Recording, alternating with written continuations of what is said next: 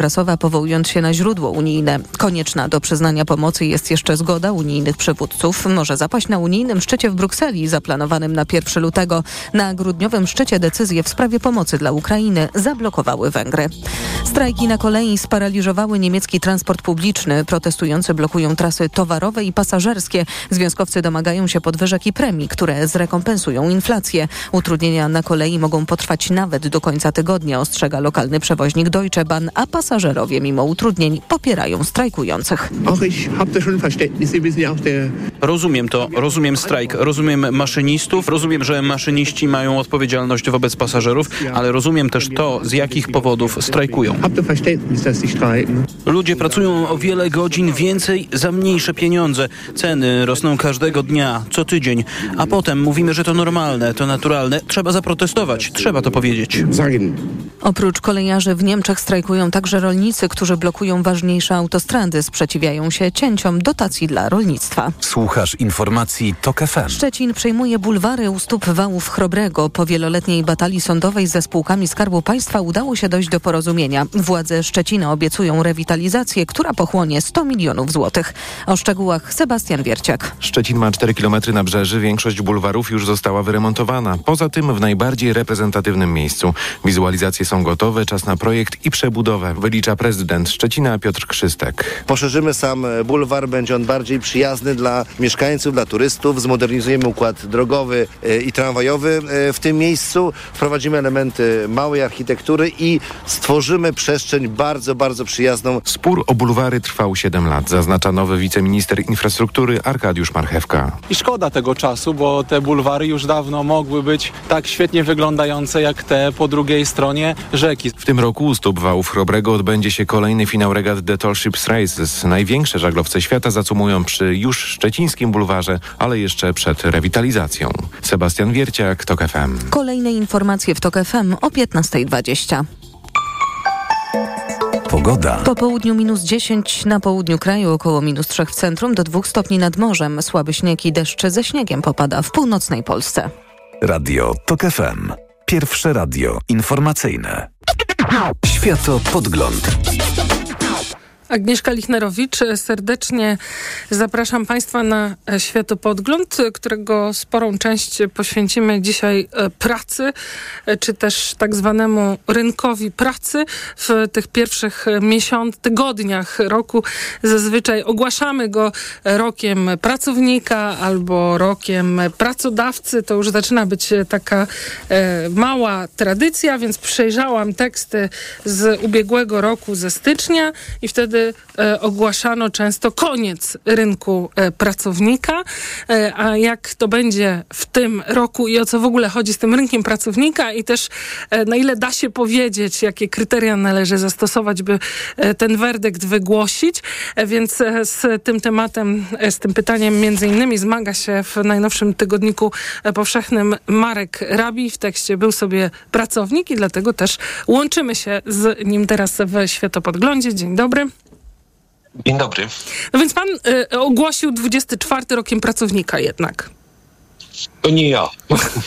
Ja tylko cytuję, mogę powiedzieć, że ja tylko cytuję osoby, które e, siedzą tego, bliżej tego rynku, bo są nim zainteresowane właśnie jako pracodawcy i już od jakiegoś czasu e, z tych kręgów dochodzą, no ja nie zawaham się użyć sformułowania, wręcz, wręcz jęki, jeśli możemy tak powiedzieć, nie, mało dyplomatycznie, na to, co się w kolejnych miesiącach może w Polsce na tymże rynku wydarzyć, a będzie brakowało dramatycznie rąk do pracy, yy, ale mm, to będzie bardzo specyficzny brak, bo yy, ta sytuacja nie dotyczy oczywiście mm, stanowisk y, wysoko wyspecjalizowanych i osób, które mają bardzo wysokie umiejętności. Tutaj jakiejś gigantycznej zmiany na lepsze dla pracowników raczej nie będzie, bo ta sytuacja tam y, wystarczy spojrzeć na to, co się dzieje na przykład na rynku informatycznym.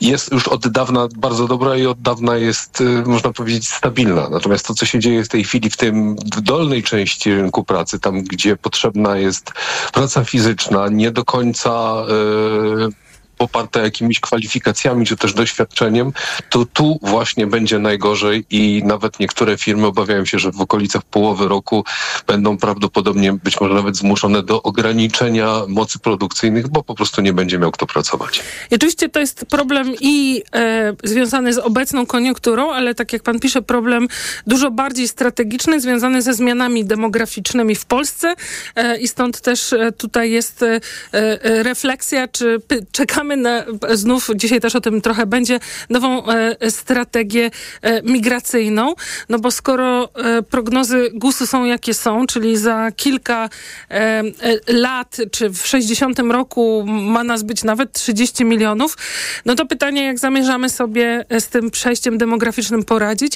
a jeżeli nie migrację, bo może społeczeństwo za bardzo nie jest chętne, to co? Właśnie nie bardzo wiadomo, dlatego że my tej rozmowy przede wszystkim nie toczymy. My raczej e, od dłuższego czasu rozmawiając o przyszłości rynku pracy używamy zaklęć i jednym z tych zaklęć jest właśnie takie kategoryczne nie dla polityki migracyjnej, e, wyrażane bardzo często w sposób taki wręcz desperacki, a po drugiej stronie cichaczem wprowadza się mocną liberalizację e, przepisów e, wizowych po to, żeby tych pracowników ściągać, ale żeby nie kłuć w oczy opinii publicznej tym, że są e, w Polsce coraz liczniejsi cudzoziemcy. Z drugiej strony mamy oczywiście e, rynek ukraiński, który do wybuchu wojny w, w pełnoskalowej w Ukrainie nam, można powiedzieć, załatwiał większą część problemów rynku pracy, ponieważ napływ migrantów zarobkowych z Ukrainy właśnie zapełniał te luki na rynku pracy, których, nie chcieli, których, których już Polacy nie chcieli zapełniać. Przetwórstwo na przykład. Oferty pracy. Tak, na przykład. No, natomiast w tej chwili już jest taka sytuacja, że e, firmy, które zajmują się pośrednictwem e, czy też pracą tymczasową mówią, że ciężko jest znaleźć już nawet nie tylko Polaków. E, ja przepraszam, to brzmi może hmm. trochę rasistowsko, ale to po prostu są fakty. Że nie, nie, nie można znaleźć już nawet nie tylko Polaków czy Ukraińców, ale wręcz nawet Filipińczyków, którzy byliby gotowi do podjąć pracę na przykład w przetwórstwie. No właśnie, bo teraz wracając do tego pytania, co to jest rynek pracownika, bo sytuacja jest taka, że z jednej strony rzeczywiście słyszymy, że e, e, pracodawcy mają nieobsadzone wakaty, e, czytamy prognozy gospodarcze, które mówią, że już niedługo nasze PKB będzie osłabione z powodu właśnie braku pracowników w niektórych sektorach. Mówimy na przykład, zwraca pan uwagę na brak absolwentów szkół zawodowych z uprawnieniami spawacza, no właśnie to przetwórstwo, czyli arcyciężka praca za e, stosunkowo e, niskie e, pieniądze. Zaraz może jeszcze do tego przejdziemy. No i budżetówka bardzo nisko opłacana, pielęgniarki, opiekunki, nauczycielki. Nie bardzo jako pracodawca, jako państwo się sprawdzamy. No w każdym razie mamy to, ale z drugiej strony e, e, wielu pracowników jest niezadowolonych. Są regiony, gdzie wysokie jest bezrobocie. E, mamy sytuację taką, że udział płac w PKB w porównaniu do innych państw Unii Europejskiej w Polsce jest bardzo niski. Chodzi mi o to, czy to na pewno jest rynek pracownika. No właśnie, to jest pewien problem, właściwie można powiedzieć paradoks, bo mówiąc o rynku pracownika, to mamy do czynienia z sytuacją, w której y, mamy bardzo niskie bezrobocie według wskaźników y, y, europejskich, właściwie w tej chwili najniższe w Europie. Można nawet zaryzykować stwierdzenie, że w Polsce w tej chwili nie pracuje ten, kto nie chce pracować, bądź ten, kto pracować nie może. W dużym uproszczeniu oczywiście. Natomiast y, ta sytuacja wciąż jeszcze się nie przekłada na wysokość zarobków i mm, prawdopodobnie jeszcze długo się nie przełoży. Co więcej, niemal na pewno nie będzie się bardzo mocno przekładała w tym roku, dlatego że my jesteśmy jako gospodarka w bardzo specyficznym momencie. Z jednej strony rzeczywiście tych rąk do pracy brakuje, tak jak mówiliśmy, z drugiej strony mowa jest o odbiciu gospodarczym, czyli o tym, że przyszłym, w tym roku e, PKB Polski będzie rosnąć prawdopodobnie w przedziale powiedzmy między 2,4 a 3 e, procent rok do roku. To jest w porównaniu z innymi latami relatywnie niewiele, natomiast bardzo dużo, jeśli to porównamy z zeszłorocznymi wynikami, które wstępnie pokazują, że no takim ledwo co prześlizgniemy się ponad progiem recesji, będziemy mieć tam wzrost PKB na poziomie prawdopodobnie 0,6% rok do roku. Więc to odbicie jest, natomiast ono jest jeszcze dość mizerne i to się przekłada również na sytuację konkretnych firm, bo firmy, które by chciały na przykład pozyskać pracowników, e, podwyższając pensje, e, zdają sobie sprawę z tego, że nie będą dysponować budżetami na tyle e, bogatymi, żeby na przykład ściągać, przekupywać specjalistów wysokiej klasy od konkurencji. Są dane Narodowego Banku Polskiego, które pokazują, że odsetek firm, które planują zwiększenie zatrudnienia, yy, przepraszam, zwiększenie yy, yy, pensji, podwyż, podwyżki w przyszłym roku, czy, też w tym roku, bo to są dane za koniec zeszłego roku, jest wciąż wysoki, to jest ponad 30%.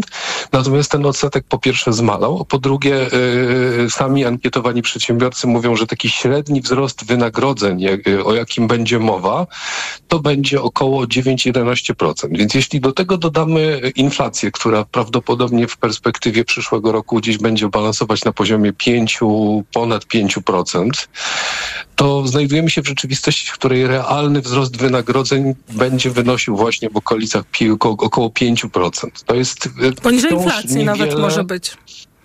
Tak, więc to wciąż jest bardzo mało i to wciąż nie będzie się bardzo wyraźnie przekładało na sytuację płacową polskich pracowników, tych właśnie poszukiwanych i, i wymarzonych, a to też będzie z drugiej strony przekładało się na sytuację samych firm, no bo wiadomo, że, że ci sami pracownicy są również klientami w skali makro. I bardzo krótko, ale tu jest jeszcze kwestia budżetówki, gdzie płace są naprawdę y, relatywnie niskie. No, o tym w pewnym sensie my wszyscy jako ci pracodawcy, współwłaściciele państwa decydujemy i nie ma w nas gotowości y, na te podwyżki. Tak, no nie ma, y, to z reguły ja mam wrażenie, że to jest niestety pokłosie jakiejś takiej konwencji narracyjnej, która dominowała w Polsce tak. przez kilkanaście lat i która podpowiadała, że strefa, sfera budżetowa to jest ta przestrzeń, w której należy szukać wiecznych oszczędności, bez zastanowienia się, na czym te oszczędności mają polegać i przede wszystkim, czym mogą skutkować, co zyskujemy, co tracimy. No doprowadziliśmy do tego, do czego doprowadziliśmy właściwie wspólnymi siłami, zagłodziliśmy sektor budżetowy, który w tej chwili e, dotknięty jest nie tylko głębokim bezrobociem, takim prawdziwym strukturalnym, bo przecież brakuje na przykład pielęgniarek, e, ale też przede wszystkim tam dochodzi do e, bardzo często do selekcji negatywnej w zawodzie. Tak. To, co się obserwuje na przykład w, w edukacji jest najlepszym dowodem na to, że można doprowadzić do tak naprawdę e, skutków odwrotnych od zamierzonych, jeśli się wstawia wyłącznie na e, kwestie płacowe.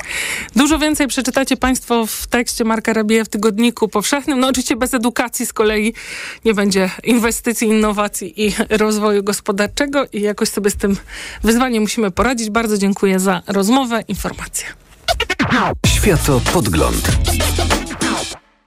Autopromocja. Nie ma ludzi idealnych i nie ma idealnych związków, ale zawsze można znaleźć rozwiązanie. Tych najlepszych szukam razem z ekspertami, psychologami, terapeutami. Rozmawiamy o problemach i dylematach w związkach i relacjach, o których słuchaczki i słuchacze piszą do mnie w listach miłosnych. Listy miłosne. Tylko w Tok FM Premium. Zaprasza Dorota Wardecka. Posłuchaj na tokefm.pl ukośnik listy lub w aplikacji mobilnej Tok FM.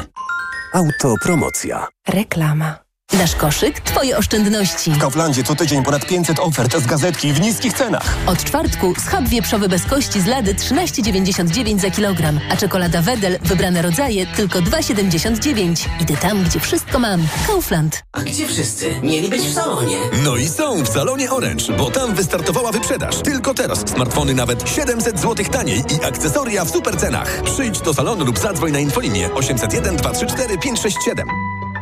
Orange. W nowej polityce dwuprawo, czyli kiwanie temidy, jak posprzątać państwo, Republika TVPiS oraz apka pułapka dla krokomaniaków, starzy lekarze ratują system, samotni młodzi bezdomni, bajka o biopaliwach, czego chcą artyści, zbrodnie w 3D, polityka w kioskach i na polityka.pl. Nie wiesz, co podać swojemu dziecku, gdy infekcja powraca? Podaj mu lek przeciwwirusowy Neozine Forte.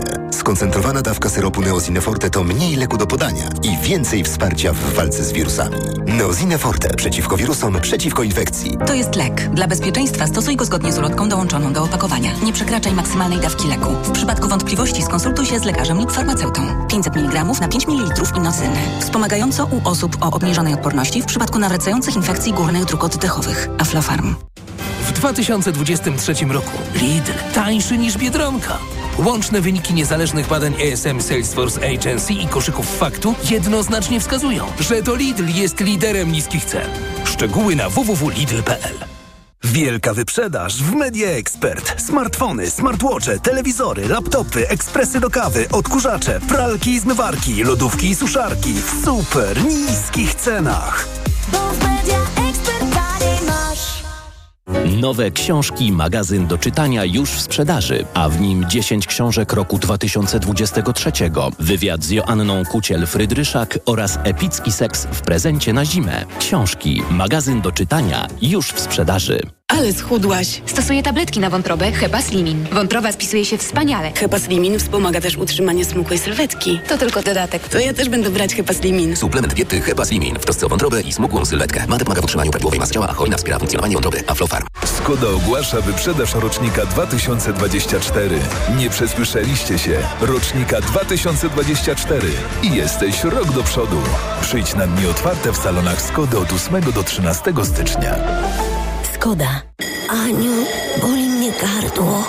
Czy możesz wziąć za mnie zastępstwo w piątej A? Oczywiście, Ewa. A ty na zapalenie gardła weź pastylki do ssania Septinum Silver. Wyrób medyczny Septinum Silver dzięki zawartości nanosrebra wspomaga leczenie infekcji bakteryjnych i wirusowych gardła. Łagodzi ból, chroni i nawilża gardło. Septinum Silver. Pierwsza pomoc przy bólu gardła. Dostępny także w sprayu. Producent oraz podmiot prowadzący reklamę Zdrowit. To jest wyrób medyczny. Używaj go zgodnie z instrukcją używania lub etykietą. Reklama. Radio TOK FM. Pierwsze radio informacyjne. Informacje TOK FM.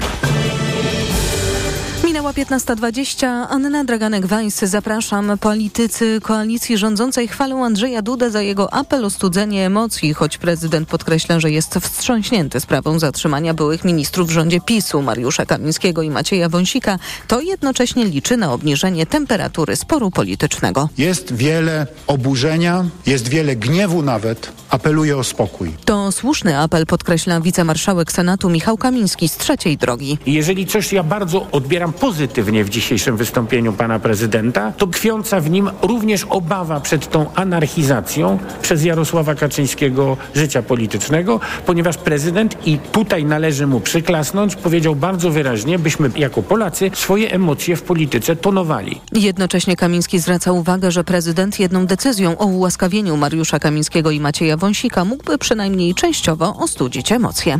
Miałem poczucie, że podlegam silnej presji, by zmienić moje stanowisko w sprawie tzw. Wyborów kopertowych, mówił Jarosław Gowin, odpowiadając na pytania Sejmowej Komisji Śledczej. To drugi dzień zeznań byłego wicepremiera w rządzie PiSu. Komisja bada sprawę organizacji wyborów prezydenckich w 2020 roku, które PiS chciało przeprowadzić korespondencyjnie w pandemii i które nie doszły do skutku, ale na ich przygotowanie Skarb Państwa wydał ponad 70 milionów złotych.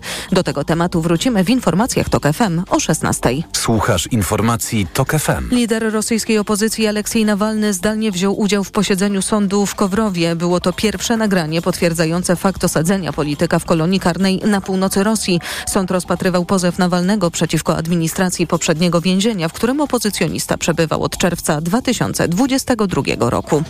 Gminy przypominają właścicielom budynków działek o obowiązku odśnieżania przylegających do nich chodników. Właściciel odpowiada także za strącanie z dachu sopli i nawisów śnieżnych. Uchylając się od tego obowiązku, Straż Miejska może ukarać mandatem do 500 zł. Jak to wygląda w Białymstoku, sprawdzał Jakub Medek. Ciężko to idzie. Najgorzej ten lód taki. Do obowiązków właścicieli i zarządców nieruchomości należy oczyszczanie chodników ze śniegu i lodu. Usunięty śnieg czy lód może być składowany na skraju chodnika od strony jezdni, jednak nie może on utrudniać ruchu pieszych i pojazdów. Teraz i tak nie najgorzej. Trzy lata temu to było śniegu dużo. Chodnik na osiedlu Bojaro odśnieżał pan Stanisław. O obowiązkach właścicieli mówiła Anna Kowalska z Biura Prasowego Urzędu Miasta. Kolejne informacje w TOK FM o 15.40, a już teraz prognoza pogody.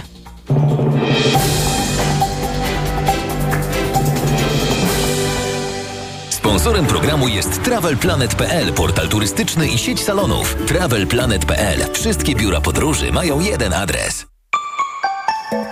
Pogoda. Minus 10 stopni na południu, około minus 3 w centrum, do 2 stopni nad morzem. Takie będzie popołudnie w Polsce. Słaby śnieg i deszcz ze śniegiem popada w północnej części kraju. Sponsorem programu był TravelPlanet.pl, portal turystyczny i sieć salonów. TravelPlanet.pl. Wszystkie biura podróży mają jeden adres. Radio TOK FM. Pierwsze radio informacyjne. Światopodgląd.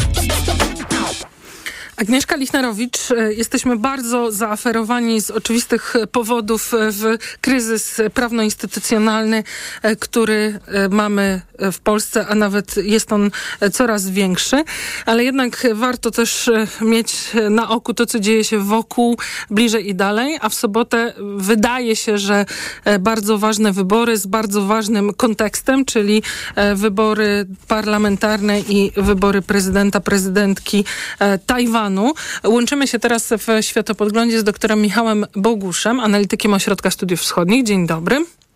Dzień dobry. I autorem, bo to jest inspiracja do tej rozmowy i bardzo Państwa zachęcam do lektury tejże analizy, którą zaraz będziemy trochę cytować, bo jest arcyciekawa i inspirująca. Tytuł Krzemowa tarcza e, Tajwan w rywalizacji mocarstw. Zanim krótko o, o głównych tezach e, tej e, pana analizy, to pozwolę sobie zacząć od tak zwanej bieżączki. A bieżączka są, jest taka, że Ministerstwo Obrony Chin wydało dziś oświadczenie po konsultacjach ze Stanami Zjednoczonymi wezwali Waszyngton do przestrzegania zasady jednych Chin, zaprzestania zbrojenia Tajwanu. Na ile to jest jakieś e, istotne oświadczenie, na ile to jest klasyczna wypowiedź e, przedstawicieli Pekinu? Rytuał, kompletnie rytuał, głównie na potrzeby konsumpcji wewnętrznej. Kompletnie nic nie znaczy w tej sytuacji, którą mamy. A wybory w sobotę kto wygra? Nie wiem sondaże ostatnie, które były publikowane przed ogłoszeniem ciszy, wyborczej w zeszłym tygodniu wskazują wciąż na to, że przewagę ma Lai Ching-de, obecny wicepre, e, wiceprezydent, przedstawiciel e, Demokratycznej Partii Postępu, ale jego przewaga to jest około 3-4 punktów procentowych, a w niektórych sondażach e, grupa osób niezdecydowanych wynosi nawet 16%, co pokazuje, że, mm, no, nie mo- że, że e, Laj nie może być pewny swojego zwycięstwa do ostatniej chwili. Ja rozumiem, nie wiem na ile za duże będzie to uproszczenie, że Laj i właśnie Partia Demokratyczna e, Postępowa reprezentuje najbardziej tę rodzącą się tożsamość tajwańską. E, pewnie nie będzie czasu, żeby rozwinąć te kwestie, ale to jest bardzo arcyciekawe i wielowarstwowe. A jego e, rywale z partii opozycyjnych są z tych partii bardziej otwartych na dialog z Pekinem, czy to będzie za duże uproszczenie? Myślę, że on tam, znaczy zależy która partia, bo e, tajwańska partia ludowa, jak sama nazwa wskazuje, teoretycznie powinna być uznana za partię e, no też, też jakby nacjonalizmu tajwańskiego, ale wydaje się, że ona jest bardziej e, nie tylko probiznesowa, ale też e, tak nastawiona na, na, na znalezienie jakiegoś modus vivendi z, z Pekinem, co świadczy o, o jej niedojrzałości, bo, bo raczej większość stron e, nawet sporu politycznego, ostrego sporu politycznego na Tajwanie zgadza się, że nie ma możliwości znalezienia długotrwałego modus vivendi z Pekinem. E, z kolei, jak sama nazwa wskazuje, Partia Narodowa Kuomintang to jest Partia Narodowa Chińska, e, co nie zmienia faktu, że są tam różnego rodzaju nurty. E, jest nurt taki, który mówi, że trzeba natychmiast się zjednoczyć z Chinami, wszyscy jesteśmy Chińczykami, po taki nurt, który jest mówiący, że nie, nie jesteśmy Chińczykami, ale musimy udawać na razie, że będzie, że może będziemy Chińczykami, czy zostaniemy Chińczykami po to, żeby utrzymać pokój z, z Chinami, po po główny nurt Kuomintangu, który wydaje się mówiący o tym, że nie decydujmy się teraz na nic, poczekajmy, zobaczymy, jak sytuacja się rozwinie. Sytuacja jest bardzo, jak pani powiedziała sama, sytuacja jest bardzo skomplikowana i te tożsamości na Tajwanie są wielowarstwowe to inaczej. i nakładają się na siebie. Gdyby Xi Jinping miał magiczną różdżkę, która wskazuje zwycięzcę, to kogo by wskazał? Gdyby on mógł wskazać, to prawdopodobnie wybrałby e, Ho Yi, e, mhm. czyli przedstawiciela Kuomintangu, ponieważ wydaje się, że e, on liczy na to, że dialog między partiami, między bratnimi a kiedyś wrogimi partiami, czyli Kuomintangiem, Chińską Partią Narodową, a Komunistyczną Partią Chin, może być nawiązany ze względu na, na leninowską przeszłość jednej i drugiej. Hmm. A gdyby Joe Biden miał tę różdżkę? To jest bardziej skomplikowane, bo są głosy w Waszyngtonie, które mówią na tym, że gdyby Ho i Kuomintang wygrał, to by na jakiś czas uspokoiło mhm. relacje w ciśnienie tajwańskie i to, i to by dało dodatkowy oddech i przestrzeń Amerykanom na działanie na Ukrainie czy na Bliskim Wschodzie. Moim zdaniem jest to e, myślenie błędne, ale, mhm. ale są takie ruchy, są takie głosy w Waszyngtonie i nie wiem, czy przypadkiem sam John Biden nie, nie, nie skłoniłby się do tego, żeby mieć przynajmniej spokój pod warunkiem, że wygra wybory wybory w Stanach Zjednoczonych na jesieni. No właśnie, to przejdźmy do tej międzynarodowej układanki. Krzemowa tarcza Tajwan w rywalizacji mocarstw to jest tytuł e, analizy Michała Bogusza, którego Państwo teraz e, słuchacie, ale w każdym razie, jak pisze w niej e, Michał Bogusz, e, Tajwan w tej chwili, cieśnina tajwańska to najbardziej zapalne, jedne z najbardziej zapalnych e, miejsc na świecie, a utrzymanie status e, quo, czyli tej sytuacji taka, jak jest teraz, jest coraz trudniejsze, bo z jednej strony właśnie zmienia się Tajwan, jest y, coraz silniejsza ta lokalna e, tożsamość, a z drugiej strony coraz bardziej imperialistyczne e, są Chiny, a Stany Zjednoczone muszą bronić w tym sensie Tajwanu, e, bo to jest kwestia ich wiarygodności mocarstwowej. Bardzo uprościłam, ale zaraz trochę rozwiniemy i zapytam, co to jest krzemowa tarcza? No, krzemowa tarcza to tak prezydent Tajwanu Tsai Ing-wen użyła tego sformułowania e, na określenie przemysłu półprzewodników na Tajwanie, który jest bardzo mocno zaawansowany, jest wąskim gardłem światowej gospodarki. I tak naprawdę chińskie, tajwańskie firmy e, biorą udział w produkcji większości półprzewodników. Nawet jeżeli one nie są produkowane na Tajwanie, to są sprawdzane, pakowane na Tajwanie albo sprawdzane przez firmy kontrolowane przez Tajwańczyków, ale, ale wykonujące inne działania, na przykład w Malezji czy Indonezji i tak dalej, i tak dalej. Generalnie e, większość półprzewodników, jakie wykorzystujemy e, w życiu codziennym i to w skali globu, przechodzi w jakimś w mhm. momencie swojej produkcji przez ręce Tajwańczyków. Gdyby to się wszystko wysypało, to byśmy się cofnęli e, od, technologicznie od, do, może nawet o 30 lat. A tarcza? Dlaczego tarcza? No tarcza jest taka, że ona uznała, że skoro jest to tak ważne, to Chiny nie zaryzykują zniszczenia przemysłu półprzewodników, który, od którego same są też zależne. E, I to jest właściwie taka magiczna tarcza, która powoduje, że e, mamy do czynienia z sytuacją trochę jak w okresie zimnej wojny. Tam mhm. była sytuacja, że wzajemnego zniszczenia się dzięki e, broni jądrowej obydwu supermocarstw spowodowało, że żadne z nich nie było gotowe do użycia broni jądrowej. To tutaj ten przemysł półprzewodników na Tajwanie powoduje, że nikt nie wywoła wojny, no bo to by zniszczyło półprzewodniki, możliwość ich produkcji na przynajmniej na dobrą dekadę e, i cofnęło gospodarczo i technologicznie cały świat wstecz. W efekcie to, to ma powstrzymywać e, no, wybuch kryzysu. Moim zdaniem oczywiście jest to błędne założenie, ale e, użyłem tego jako tytułu e, analizy. Zanim, zanim, za, dlaczego to jest błędne założenie? Czyli wydaje się, że właśnie fakt, że na taj, Tajwan jest tym centrum e, półprzewodników, to jest to, wydaje się, silniejsza ochrona nawet niż, e, znaczy sojusz ze Stanami Zjednoczonymi też jest oparty w zasadzie na tych półprzewodnikach, bo Amerykanom też zależy na tym, żeby ta produkcja e, tam trwała, ale w każdym razie jest to e, silniejsza tarcza niż armia Tajwanu, o tak możemy to ujęła.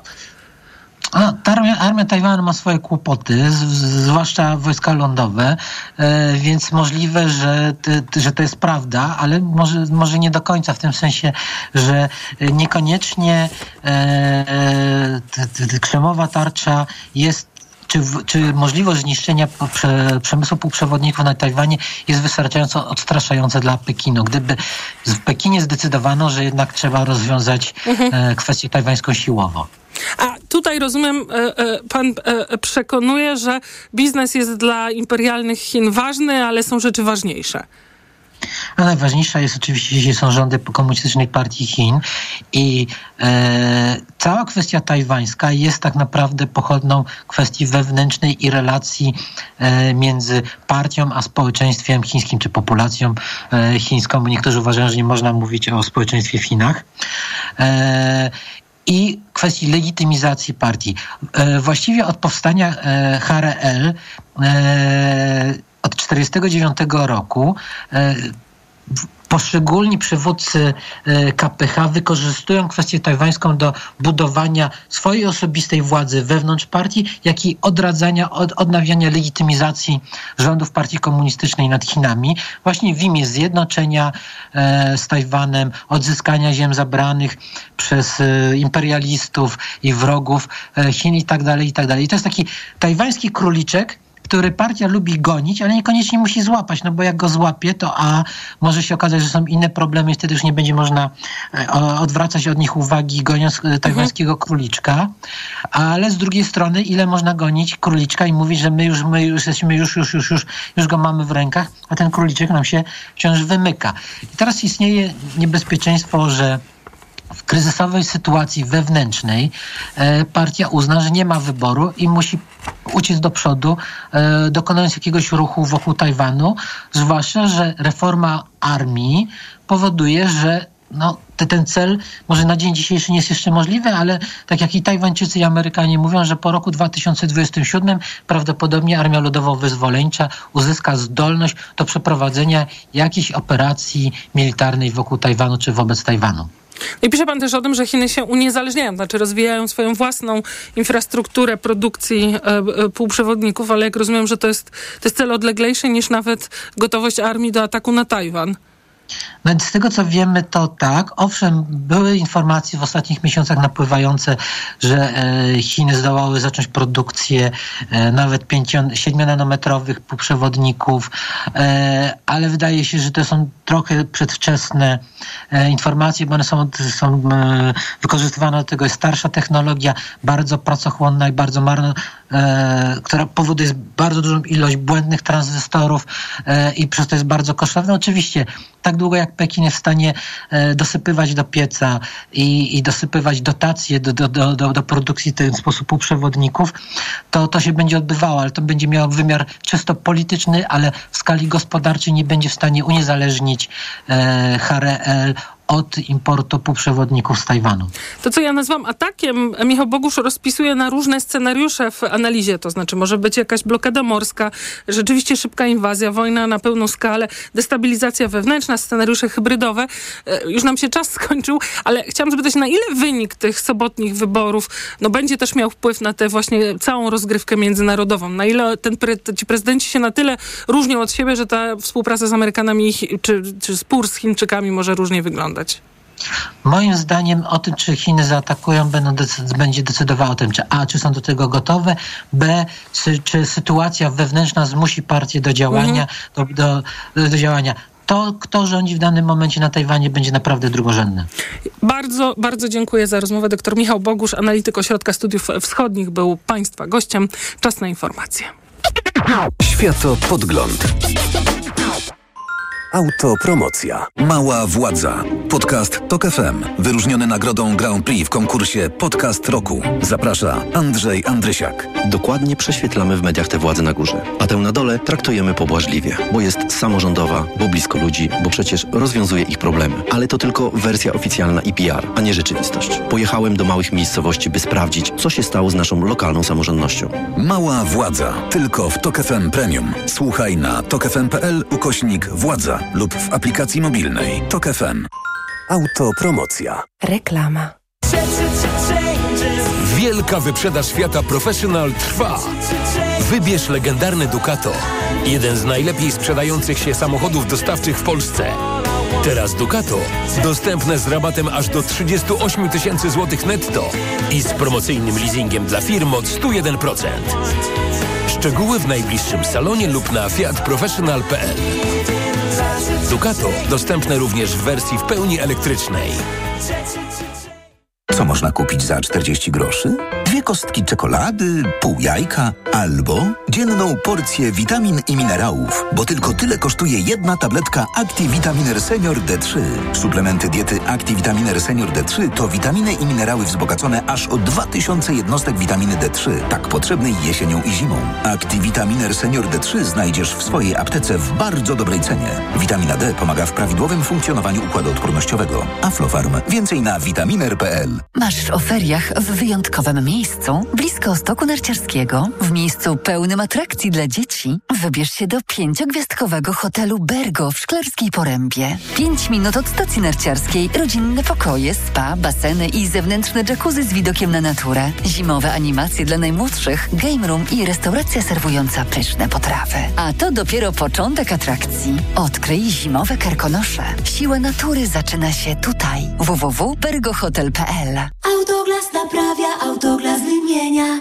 Mały odprysk na przedniej szybie może zamienić się w pęknięcie. To pewne, że prędzej czy później szyba będzie nadawać się już tylko do wymiany. W Autoglas w 30 minut naprawiamy Twoją przednią szybę. Nie zostawiaj tego na później. Zadzwoń 801 181 181 lub umów się online na www.autoglas.pl. Uwaga! Pilnie potrzebna jest krew. Dlatego zgłoś się do Centrum Krwiodawstwa i Krwiolecznictwa. Oddaj krew i uratuj czyjeś zdrowie i życie. Więcej na www.gov.pl ukośnik NCK lub www.twojakrew.pl Heroiczny, legendarny, niezłomny Defender. Stworzony do rzeczy wielkich. Dostępny w bezkompromisowej ofercie dla przedsiębiorców z atrakcyjną ratą od 3400 zł netto, pakietem wyposażenia biznes, ubezpieczeniem za 1% ceny, a także pełną opieką serwisową przez cały okres użytkowania i pięcioletnią gwarancją.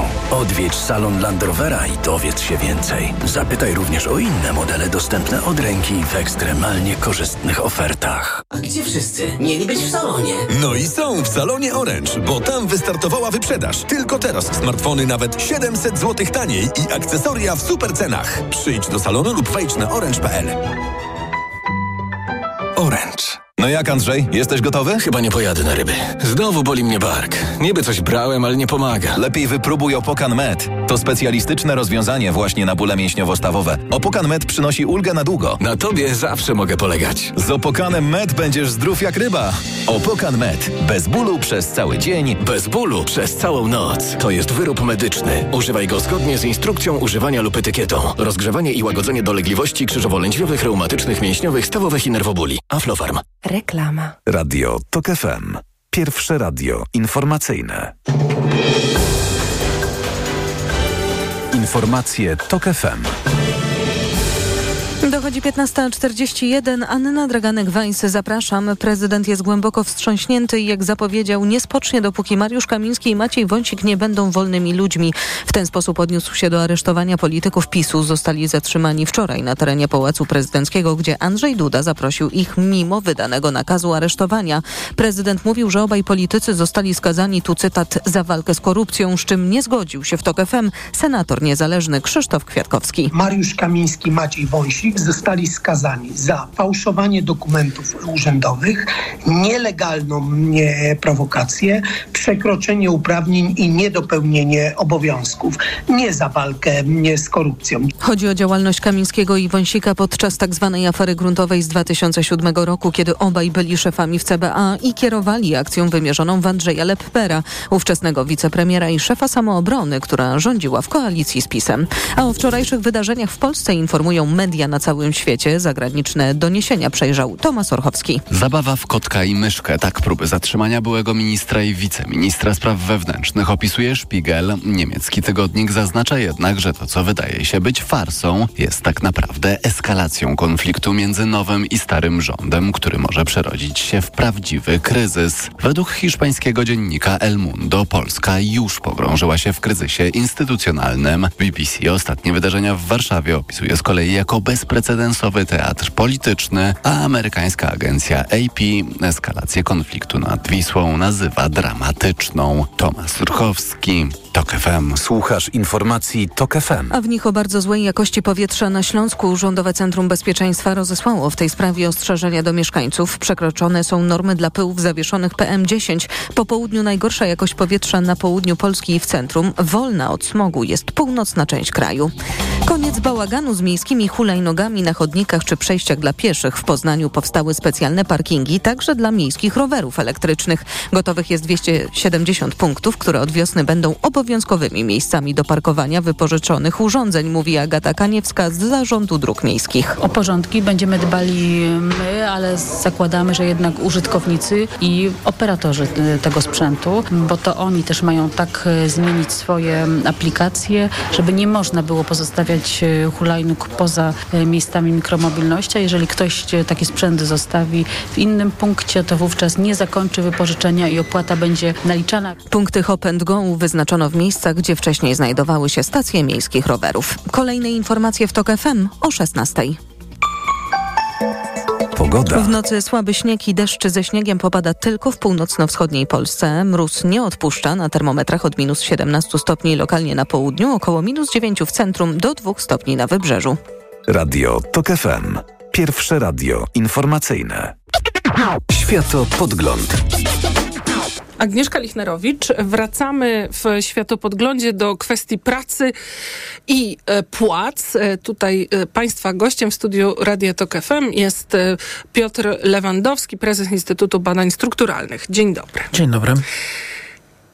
Wydaje mi się, że taką miarą, która dobrze by może pokazywała może inaczej. Rozmawialiśmy, mówiliśmy już dzisiaj w Światopodglądzie, że 24 ma być rokiem, niektórzy mówią pracownika, z tej oto perspektywy, że już w zasadzie bezrobocie e, jest stosunkowo niskie, te 5 z hakiem e, e, procent, co oznacza, że w wielu miejscach brakuje pracowników. No a z drugiej strony płace wydają się nie, do, nie gonić nawet inflacji. Więc co, co, co się dzieje? E, dlaczego fakt, że pracownik e, ma większą siłę na rynku pracy, bo jest go mniej, czysto e, popyt-podaż, nie zmienia się w wyższą płacę? Bo nie wszystkie rynki są takie same. I zupełnie inaczej wygląda kwestia siły przetargowej um, pracowników i pracodawców, na przykład w sektorze korporacyjnym w Warszawie, Krakowie, Trójmieście, Katowicach czy innych dużych miastach, Wrocław, Poznań, etc., gdzie można powiedzieć, że jakby większą siłę przetargową teraz mają pracownicy, bo to firmy walczą o pracowników, mają problem ich znaleźć i ludzie często uzyskują podwyżki y, wynagrodzenia nie przez to, że je wynegocjowują, tylko przez to, że przeskakują do firmy, która zapłaciła im więcej. Im częściej to robią, tym szybciej ich wynagrodzenia rosną i te firmy sobie podbierają i wymyślają, co by tu robić, żeby ci ludzie nie odchodzili, a może niekoniecznie płacić im więcej. No więc to jest jeden ten segment. A drugi segment to są ciągle ważne i duże w Polsce rynki pracy, gdzie te proporcje wyglądają inaczej. Czyli wyobraźmy sobie miasto 50-tysięczne ze specjalną strefą ekonomiczną, gdzie wszystkie liczące się firmy są w tej specjalnej strefie ekonomicznej. Wszyscy prezesi, prezeski, choć z reguły są to prezesi tych firm, ze sobą grillują i jak tam y, się umówią, że na wyjściowych stanowiskach płacimy płacę minimalną, a księgowym płacimy 6 brutto, przykładowo, ja teraz wymyślam te liczby, jak się umówią, żeby nie konkurować ze sobą o, cenowo o tych pracowników, to jest dla nich lepiej wtedy, bo ta, w tą spiralę nie wpadają, że, że pracownicy próbują uzyskać więcej przychodząc do innych firm. Jak się umówią, czy zrobią taki kartel, żeby trzymać te płace na jakimś ustalonym poziomie, to im wtedy nie będą rosły. I to nie, teraz nie chcę mówić, zaprezentowałem mhm. dwa skrajne przypadki. Ja teraz nie mówię, że płace nie rosną w Polsce, bo jest kartel pracodawców. To nie jest prawda. To był skrajny przypadek takiej właśnie strefy ekonomicznej, gdzie tego typu zmowę cenową łatwo jest zrobić, ale na wielu bardziej peryferyjnych, e, nazwijmy to nie wartościując, mhm. tylko mm, tak przestrzennie rynkach pracy, będziemy mieli z taką, sytu taką sytuacją, w której opcje dostępne dla pracowników są relatywnie nieduże, bo jak się jest w konkretnym zawodzie, na przykład wróćmy do tego księgowego, to albo można mieć firmkę i obsługiwać lokalne, małe inne firmy, albo może są dwie duże firmy, które mogą zatrudnić księgowego, albo można szukać pracy 40 kilometrów dalej w większym mieście, co powoduje dodatkowe frykcje, bo są koszty dojazdów, etc., etc., etc.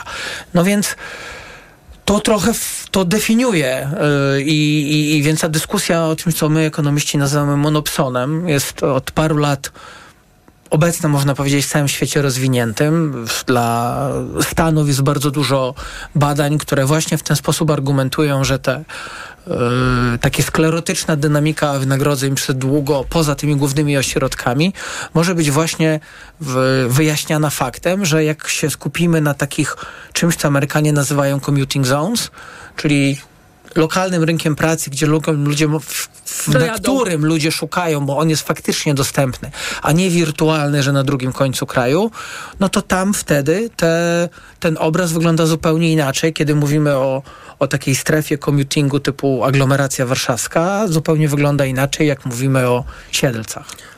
A do tego jeszcze na przykład budżetówka i sektor szkolny, gdzie w ogóle decyzja o podwyżkach jest w jednym źródle. No tak, plus drugie pamiętajmy, że jednak jakby wynagrodzenia, dynamika wynagrodzeń, no, można powiedzieć, Yy, powiedzmy, wskażmy trzy czynniki. Jedno to jest to, że ludzie chcą utrzymywać realny poziom, czyli, um, czyli że jak rośnie inflacja, to negocjują, czy rosną ceny w wyniku inflacji, to ludzie oczekują, że ich płace nadążą za tym, wzrosną powiedzmy minimalnie tyle.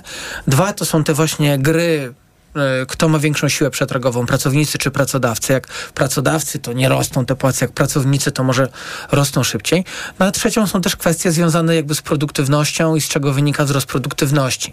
Do jakiego stopnia ten rosnąca wartość dodana w różnych branżach jest efektem tego, że pracownicy są bardziej wydajni, a do jakiego stopnia jest... Cudzysłów tutaj pan pokazał, no bo pracownicy raczej nie są wydajni, tylko maszyny. No tak, ale właśnie mogą być. Pytanie do jakiego stopnia jakby pracownik, który umie używać lepszą maszynę niż 5 lat temu, Albo ją ma, bo to Albo od pracodawcy ma, zależy. Tak, mhm. ale też jeśli on umie pracować na nowszej maszynie lub ona niż 5 lat temu, no to to jest Yy, to jest ta korzyść, prawda? To też jest wyższa yy, produktywność. To inaczej. I co się dzieje z płacami? Znaczy, wydaje się, że to, to już nie jest to bezrobocie, które ja pamiętam, jak wchodziłam, jak ktoś mówi, na rynek pracy 20%. To jest naprawdę stosunkowo niskie bezrobocie. I gdybyśmy spojrzeli na dane zagregowane, czyli co się dzieje z płacami w stosunku właśnie do wzrostu e, PKB, to wydaje się, że one od lat są stałe. Jako udział tym sensie jako w proporcji do PKB są relatywnie stabilne. I relatywnie w porównaniu do innych państw Unii Europejskiej, jak rozumiem, relatywnie większą część z tego wzrostu PKB przejmują właściciele środków produkcyjnych, nie tyle, jak to się mówiło. Nie tyle ze wzrostu, co po prostu, nie tyle ze wzrostu, co można powiedzieć, że, że ten wzrost jest dzielony w takich samych proporcjach, tylko że, wie, tylko że pracownikom przypada mniejszość udział. Chodzi o to, że, że tak, że większość z tego wzrostu, można powiedzieć, przypada właścicielom kapitału i technologii, przy czym ta część, która im przypada, ona jest większa od 50%, ale ona nie rośnie w czasie. W 2010 mhm. roku udział czy wynagrodzenia czynnika pracy w PKB był rzędu 43-45 i on się od 15 lat waha w takim przedziale. W jednym roku, jak to policzymy, to jest 43, w innym 45, ale to nie, to nie są jakby zmiany, to można powiedzieć, że są statystyczne tak, takie szum. szum. Tak. I, I tu, więc tu można zwrócić, tu należy zwrócić uwagę na dwie rzeczy. Po pierwsze, to jest dość stabilne, więc nie, nie ma jakby tu przestrzeni do tego, że pracownicy dostają coraz mniej. Z drugiej strony, to nie jest tak, że oni dostają coraz więcej z całego PKB. I to jest właśnie dla mnie pytanie, dlaczego to się nie dzieje, biorąc pod uwagę to, że pracowników brakuje. Dlatego, że mamy, można powiedzieć, pewną wymienność pomiędzy liczbą, mówimy o całkowitym wynagrodzeniu pracy, która jest jakby iloczynem, ile osób pracuje i ile zarabiają. Więc tu jest trochę pewna wymienność. Jak jest mniej pracowników, to oni wynegocjowują per capita wyższe wynagrodzenia na osobę, ale w ramach, można powiedzieć, tego samego funduszu płac. W klasycznej Czyli ekonomii... też więcej w pewnym sensie pracują na swoich stanowiskach, teoretycznie. No, może tak być, albo więcej dostają za godzinę. Natomiast nie odkrywają większego, jakby ich mini kawałeczki tortu są większe, ale cały kawałek tortu, który przypada na pracowników, pozostaje w miarę niezmienny. To, na co trzeba zwrócić, trzeba zwrócić uwagę, to jest to, że w porównaniu do krajów zachodniej Europy albo Stanów Zjednoczonych, udział pracy w PKB w Polsce, wszystkich innych krajach postsocjalistycznych naszego regionu, w Chinach tak samo, jest dość niski. Czyli na przykład w Niemczech ten udział pracy w PKB, on się obniżył na przestrzeni ostatnich 40 czy 50 lat, gdzieś powiedzmy z prawie 70 do około 60%. Czyli oni więcej pieniędzy z tego, co wyprodukowano, więcej tego przychodu przekazywali pracownikom. Tak, a w całym, w całym bloku postsocjalistycznym ten odsetek jest niższy, co się może wydawać paradoksalne, bo wydawałoby się, że po komunie, że tak, tak. powiem, to tu pracownicy będą mieli 80%, ale nie. Trzeba było robić transformację w latach 70., a nie 90. u szczytu neoliberalizmu. To raczej chodzi o to, moim zdaniem, że po prostu nastąpił bardzo duży reset, jak wygląda jakby struktura kapitału i i, i, i, jest większa polaryzacja właśnie tego, kto jakby posiada jakby kapitał. Ale w sensie.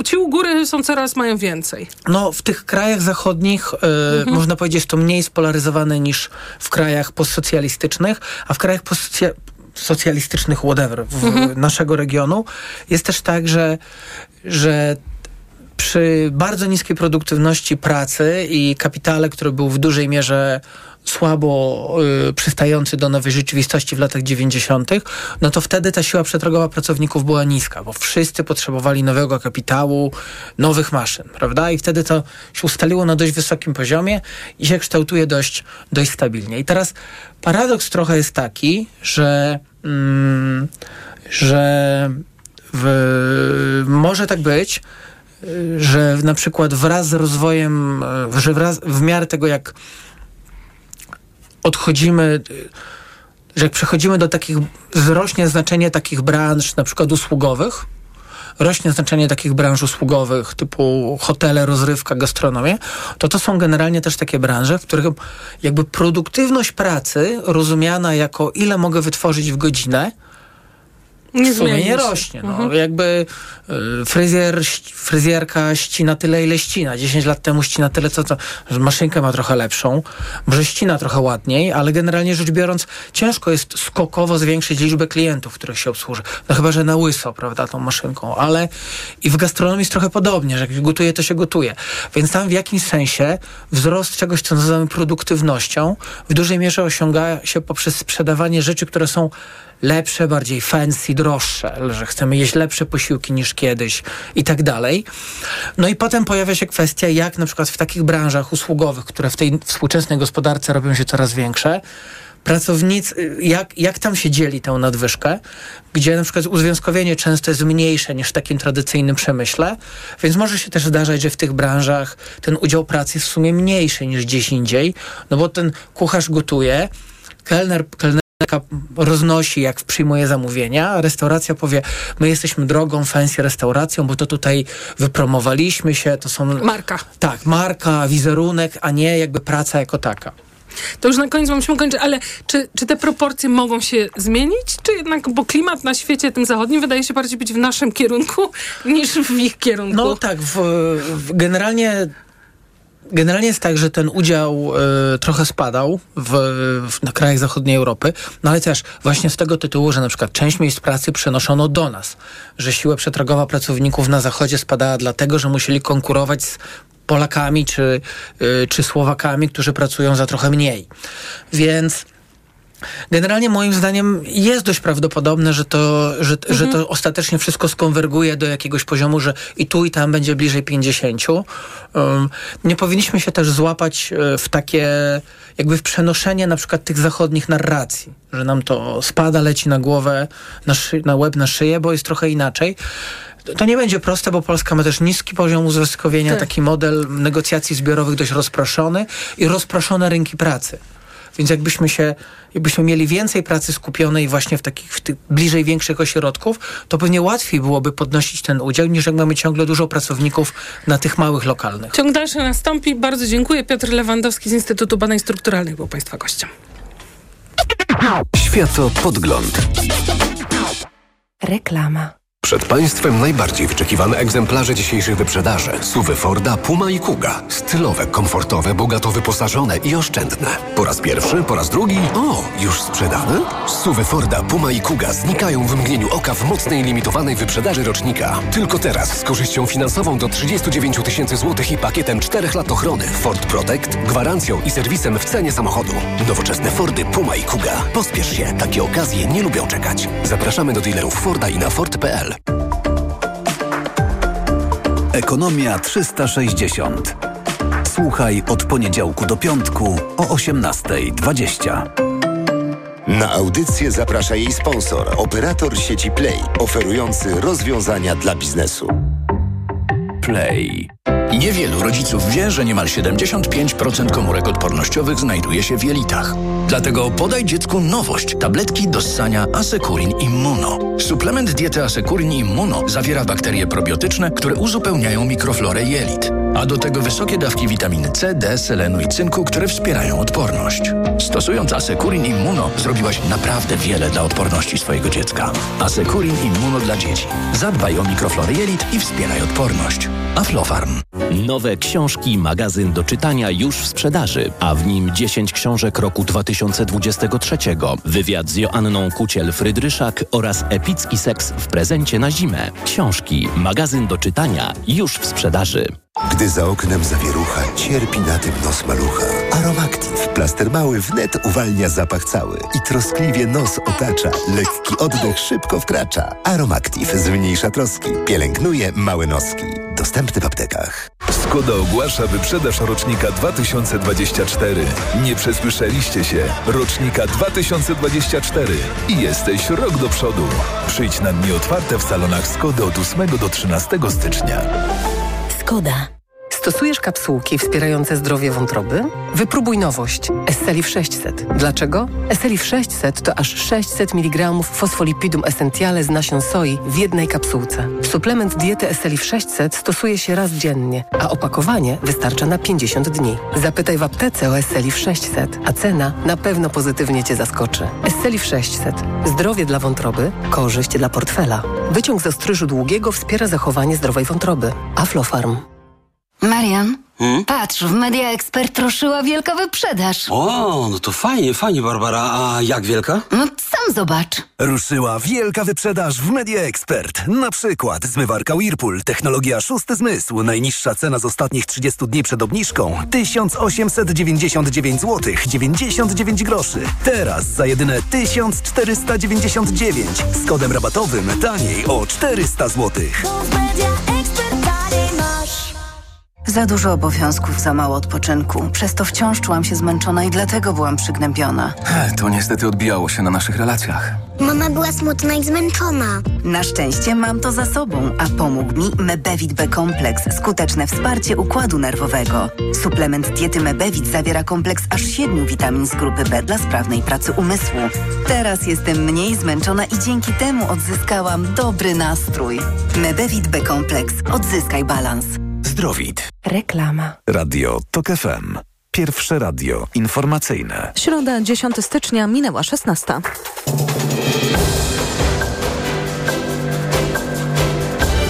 Informacje TOK FM. Anna Draganek-Weiss. Warszawę czeka komunikacyjny paraliż. Jutro ulicami miasta przejdzie marsz sympatyków PiSu. Komisja Śledcza do spraw wyborów kopertowych przesłuchała Jarosława Gowina. Mróz komplikuje życie pracownikom kolei. Dziś stanęły kolejne pociągi. Jutrzejsze popołudnie w stolicy może być trudne dla kierowców. Ulicami Warszawy przejdzie marsz sympatyków PiSu. Policja zapowiada duże utrudnienia, bo akcja odbędzie się w godzinach popołudniowego szczytu. Ze mną w studiu Szymon Kępka. Szymonie, powiedz, Witam. co policja mówi o planowanych zabezpieczeniach? Że na ulicach będzie sporo policjantów, dodatkowe patrole, jednostki także nieumundurowane. Największych utrudnień na drodze należy się spodziewać po południu, bliżej godziny 16, może 17. Wtedy policja będzie zamykać wybrane ulice na trasie od Sejmu przez Plac Trzech Krzyży, Trakt Królewski, ulicę Świętokrzyską, aż do Placu Powstańców Warszawy. Spodziewanych jest nawet 40-50 tysięcy osób, tak mówiła Monika Bojt ze Stołecznego Ratusza. Organizator ma pewne założenia, no ale sytuację mamy też e, tak e, obecnie podgrzaną, gorącą, polityczną, że spodziewamy się, że tych uczestników może być równie dobrze dużo więcej. Policja zapewnia też, że chce zapewnić bezpieczeństwo wszystkim uczestnikom marszu i zgromadzeń, ale do tego konieczne są utrudnienia dla pieszych i kierowców, tak mówi Marta Gierlicka z Komendy Stołecznej Policji. Należy się spodziewać również tego, że policjanci ruchu drogowego będą podejmowali decyzje o wyłączeniach innych ulic z ruchu. A pierwszych utrudnień można spodziewać się przy Sejmie już od jutrzejszego południa. O czym opowiadał Szymon Kępka, my do tego tematu będziemy wracać w kolejnych informacjach TOK FM. Helsińska Fundacja Praw Człowieka zabiera głos w sprawie byłych szefów CBA Macieja Wąsika i Mariusza Kamińskiego. Określanie ich mianem więźniów politycznych, jak napisano w oświadczeniu, stanowi głęboko niesprawiedliwe przekłamanie godzące w pamięć o osobach faktycznie osadzonych z powodu ich przekonań, postaw, walki o demokrację i łamanie praw człowieka. Fundacja przypomniała, że obaj osadzeni zostali prawomocnie skazani wyrokiem sądu na karę pozbawienia wolności za przestępstwa, których dopuścili się w związku z wykonywaniem powierzonych im funkcji publicznych. To szef PiSu Jarosław Kaczyński miał naciskać na przeprowadzenie w maju 2020 roku wyborów kopertowych. Tak wynika z zeznań ówczesnego wicepremiera Jarosława Gowina. Były szef porozumienia drugi dzień z rzędu był dziś przesłuchiwany przez Sejmową Komisję Śledczą. W ocenie ówczesnego ministra Szumowskiego wybory powinny być przełożone ze względu na zagrożenie dla bezpieczeństwa zdrowotnego Polaków. Pan tą opinię podtrzymał, ale pan premier Morawiecki i pan minister Szumowski zmienili. Kiedy był ten moment? Premier Morawiecki zmienił swoje stanowisko po paru dniach i po rozmowie z Jarosławem Kaczyńskim, którą mi zrelacjonował. Natomiast pan minister Szumowski zmienił swoje stanowisko kilka tygodni później. Mógłby nam pan przekazać, jakimi argumentami przekonał Jarosław Kaczyński Morawieckiego? Nie pamiętam szczegółów, pamiętam tylko sformułowanie pana premiera Morawieckiego, że Jarosław nalega na przeprowadzenie wyborów 10 maja. Komisja bada organizację wyborów prezydenckich w 2020 roku, które PiS chciało przeprowadzić korespondencyjnie w pandemii, które nie doszły do skutku, ale na ich przygotowanie Skarb Państwa wydał ponad 70 milionów złotych.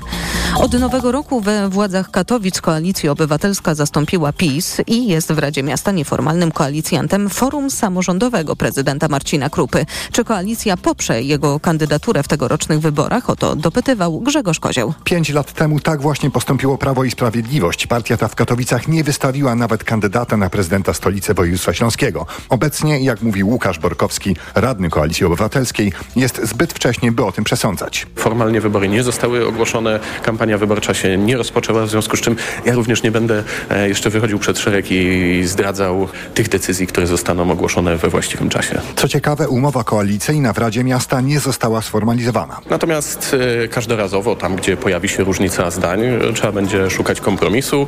Tam, gdzie nas łączą wspólne poglądy, e, będziemy działać jednogłośnie. Po działaczu PiSu w fotelu wiceprezydenta Katowic zasiadł Jarosław Makowski, lider katowickich struktur Koalicji Obywatelskiej. Z Katowic Grzegorz Kozieł, TOG FM.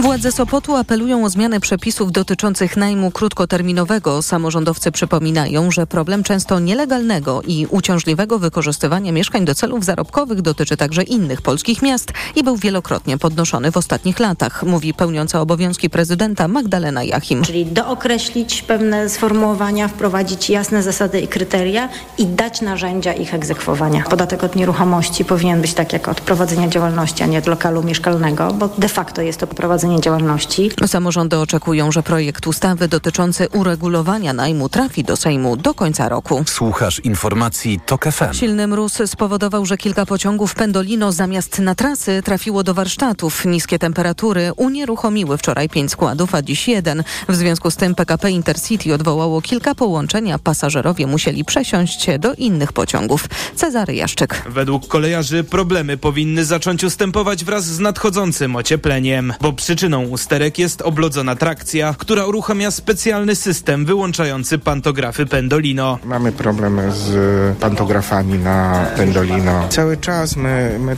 patrzymy, jak to rozwiązać. Szukamy metod i myślę, że Polskie Linie Kolejowe, Zarządca Infrastruktury również szuka różnych metod, żeby zabezpieczyć tą sieć przed obladzaniem. Wyjaśniał Jarosław Oniszczuk z zarządu PKP Intercity. Trzy pociągi już wróciły do pracy. Kolejarze liczą, że jeszcze dziś dołączy do nich kolejny skład. Uszkodzone pantografy trzeba jednak wymieniać, co oznacza niepotrzebne straty dla spółki. Cezary Jaszczyk, TOK FM. Kolejne informacje w TOK FM o 16.20. Pogoda. W nocy słaby śnieg i deszcz ze śniegiem popada tylko w północno-wschodniej Polsce. Mróz nie odpuszcza na termometrach od minus 17 stopni lokalnie na południu, około minus 9 w centrum do 2 stopni na wybrzeżu. Radio TOK FM. Pierwsze radio informacyjne. Światopodgląd. Agnieszka Lichnerowicz w Światopodglądzie. Łączymy się teraz z Jakubem Majmurkiem z Krytyki Politycznej. Dzień dobry. Dzień dobry, dzień dobry Państwu. Chciałabym, byśmy e, e, porozmawiali niezależnie od racji, e, a nie, że bagatelizuję czy symetryzuję, te racje wydaje mi się, że w Radiu Tok FM są jasno przedstawiane, więc niezależnie od tego, w co sami wierzymy, co Państwo słuchacze, słuchaczki wierzycie, w co Jakub, o czym Jakub Majmurek jest przekonany, że wynika po prostu z konstytucji i z prawa, to mamy e, obóz, który rządził jeszcze e, w ubiegłym roku, który ma swoich zwolenników. No i w tej chwili no, podnosi e, najwyższego, najwyższej skali, z najwyższej półki, powiedziałabym, ostrzeżenia. I chciałabym, porozmawiali może trochę o tym, co z tych uniesionych głosów, czy nawet histerii, która czasami no, rzeczywiście brzmi kuriozalnie, czasami dosyć przerażająco wynika. To znaczy, jaka tam jest narracja, na ile Prawo i Sprawiedliwość właśnie buduje swoją e, nową tożsamość, być może rodzi się ruch społeczny e, e, i, i, i gdzieś tam z tyłu pewnie jest pytanie, czy grozi nam jakaś powtórka ze szturmu na Kapitol. Oczywiście nie dosłownie, tylko po prostu chyba jesteśmy świadkami narodzin jakiegoś nowego zjawiska społecznego. Nie wiem, czy już jest jasne, co z tego powstaje dla ciebie. Znaczy nie jest jasne. Myślę, że trochę więcej będziemy wiedzieć jutro, kiedy zobaczymy, jaka będzie mobilizacja na tym marszu e, wolnych Polaków. Marszu, który początkowo w ogóle miał być marszem związanym ze sprawą e, Wąsika i Kamińskiego. Miał być przede wszystkim marszem wyrażającym protest e, przeciwko zmianom w mediach publicznych e, i cały czas ten charakter tego marszu pozostaje zachowany. On się najpierw zbiera, zbiera pod Sejmem, a później jego uczestnicy kierują się pod siedzibę e, telewizyjnej agencji informacyjnej na Placu Powstańców, więc e, to, to, na początku miało być to, ale e, uwięzienie, zatrzymanie, wykonanie wyroku sądu na panach Kamińskim i Wąsiku, no bez wątpienia dodało temu marszowi nowego wymiaru, nowej energii. PiS odpalił już, e, jak wszystko na to wskazuje, przygotowaną wcześniej narrację o rządach, e, o, e, o, po pierwsze autorytarnych rządach Tuska, po drugie o e, Wąsiku i Kamińskim jako o więźniach politycznych koalicji 13 grudnia. Nie są to już pierwsi więźniowie, których PiS ogłasza jako więźniów politycznych Tuska. W ten sam sposób Jarosław Kaczyński w czasach rządów e, poprzednich e, PO-PSL wypowiadał się o niejakim staruchu, e, liderze, jednym z liderów środowisk kibicowsko-przestępczych związanych ze środowiskiem kibiców czy kiboli Legii Warszawa. On też miał być więźniem politycznym Tuska.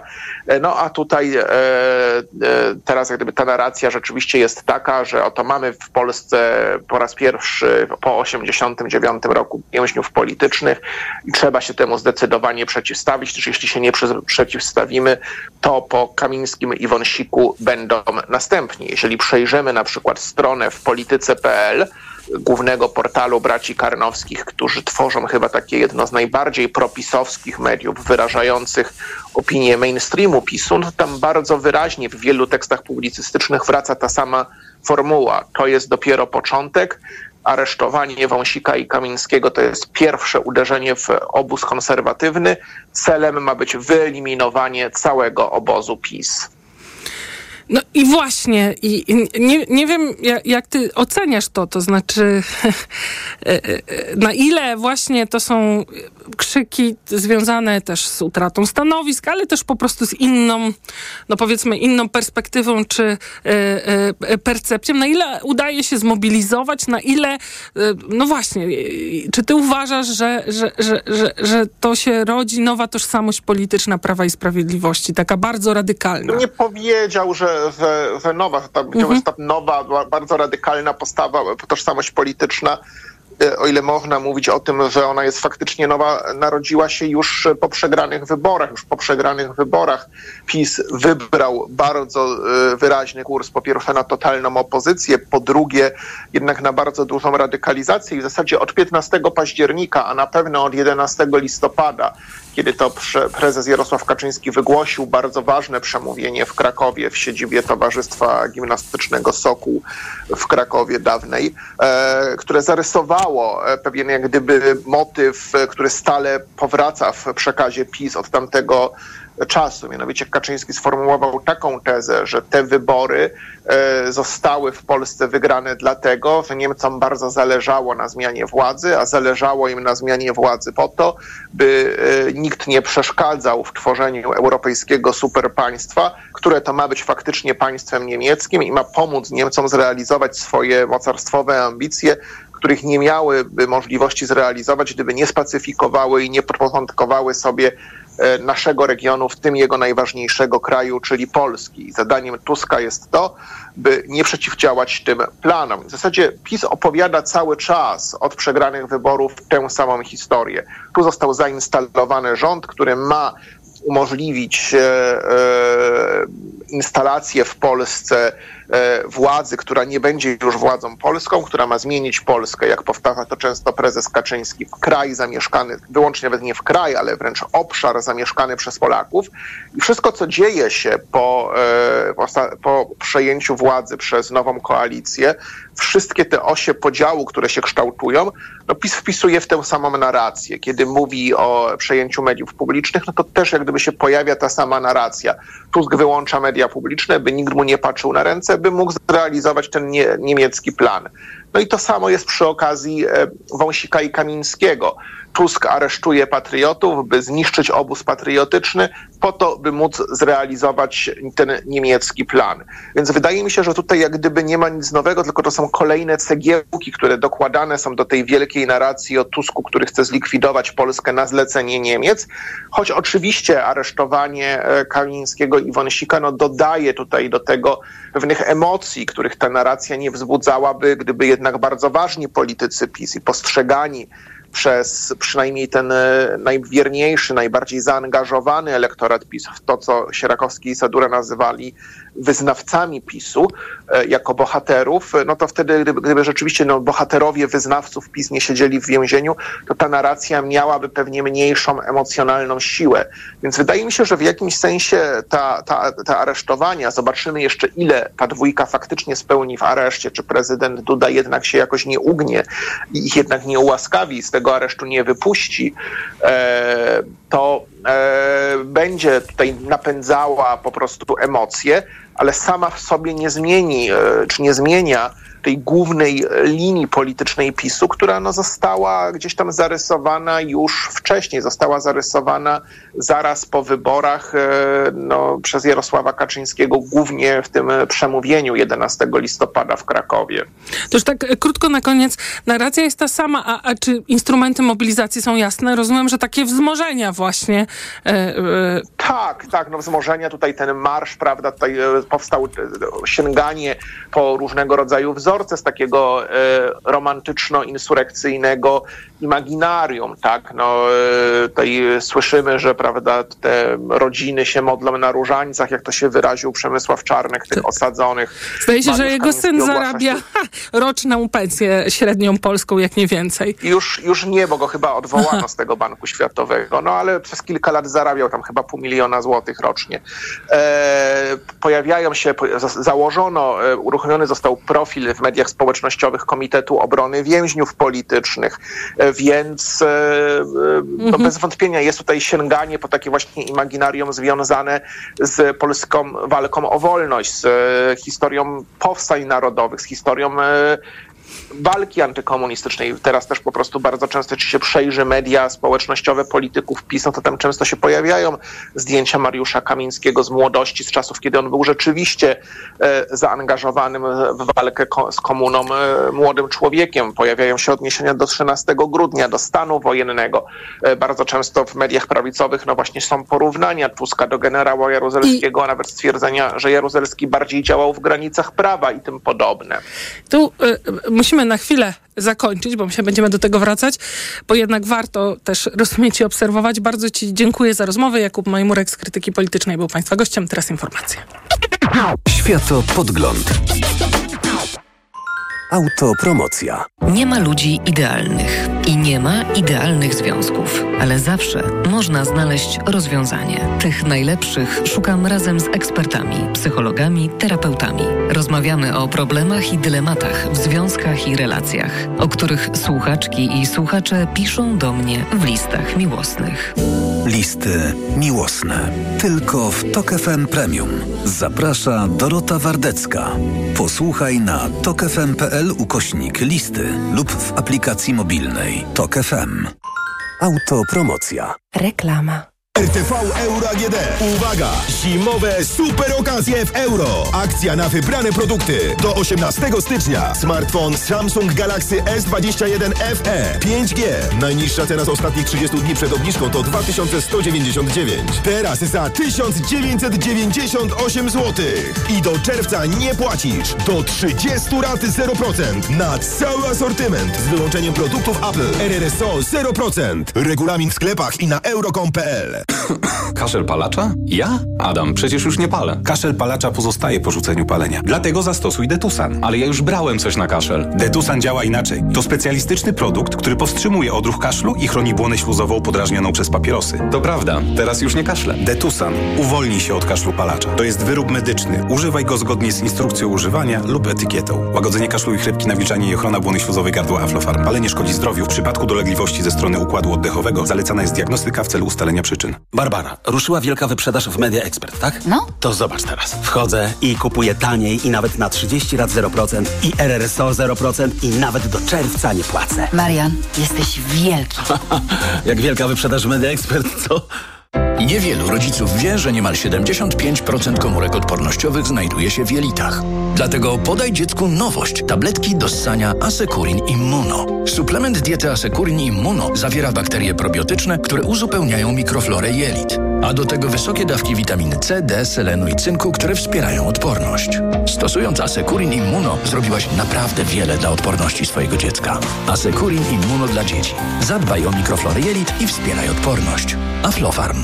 Nowe książki, magazyn do czytania już w sprzedaży, a w nim 10 książek roku 2023, wywiad z Joanną Kuciel-Frydryszak oraz epicki seks w prezencie na zimę. Książki, magazyn do czytania już w sprzedaży. Czasami drobne zmiany Zapuściłeś brodę?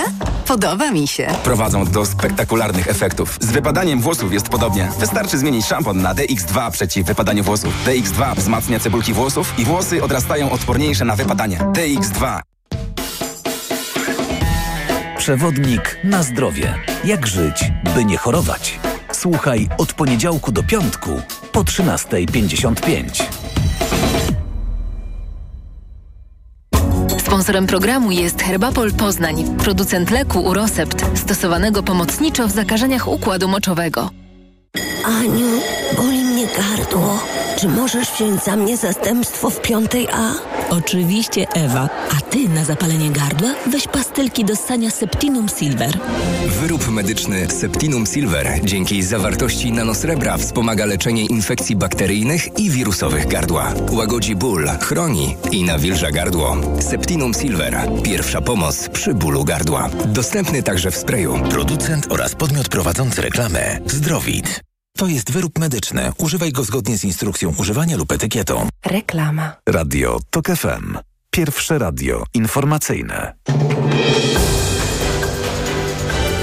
Informacje TOK FM.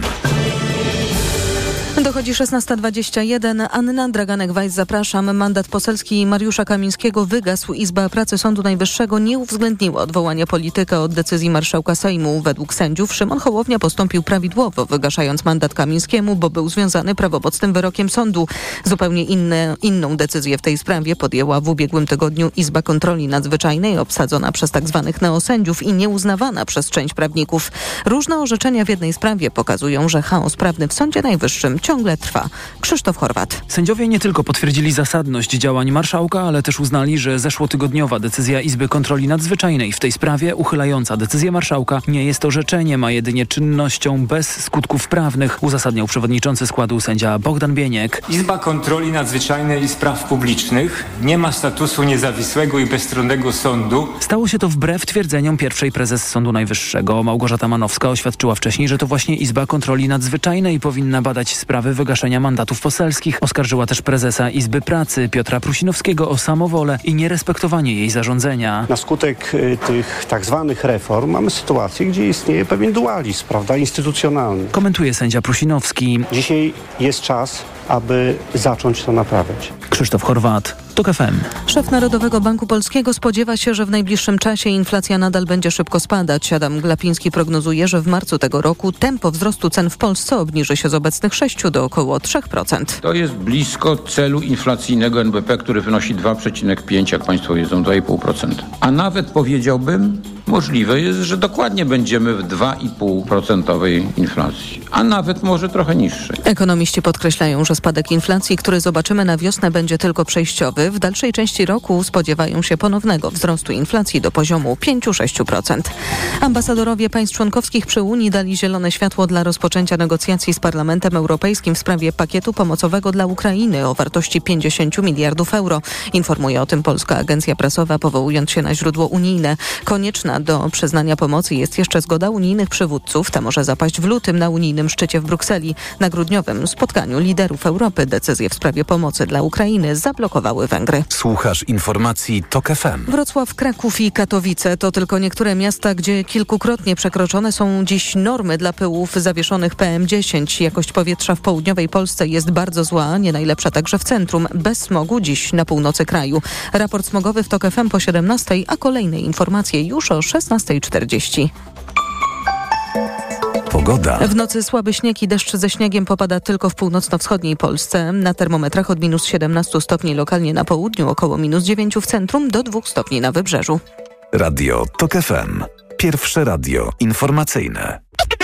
Światopodgląd.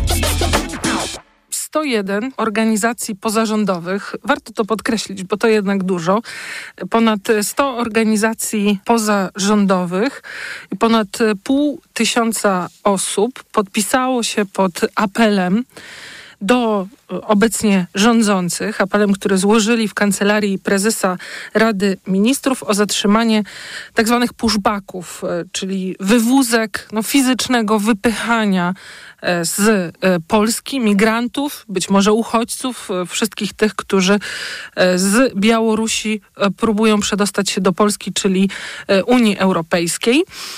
Przypomnę, ponad 100 organizacji pod takim apelem się podpisało. Łączymy się więc w światopodglądzie z jednym z sygnatariuszy.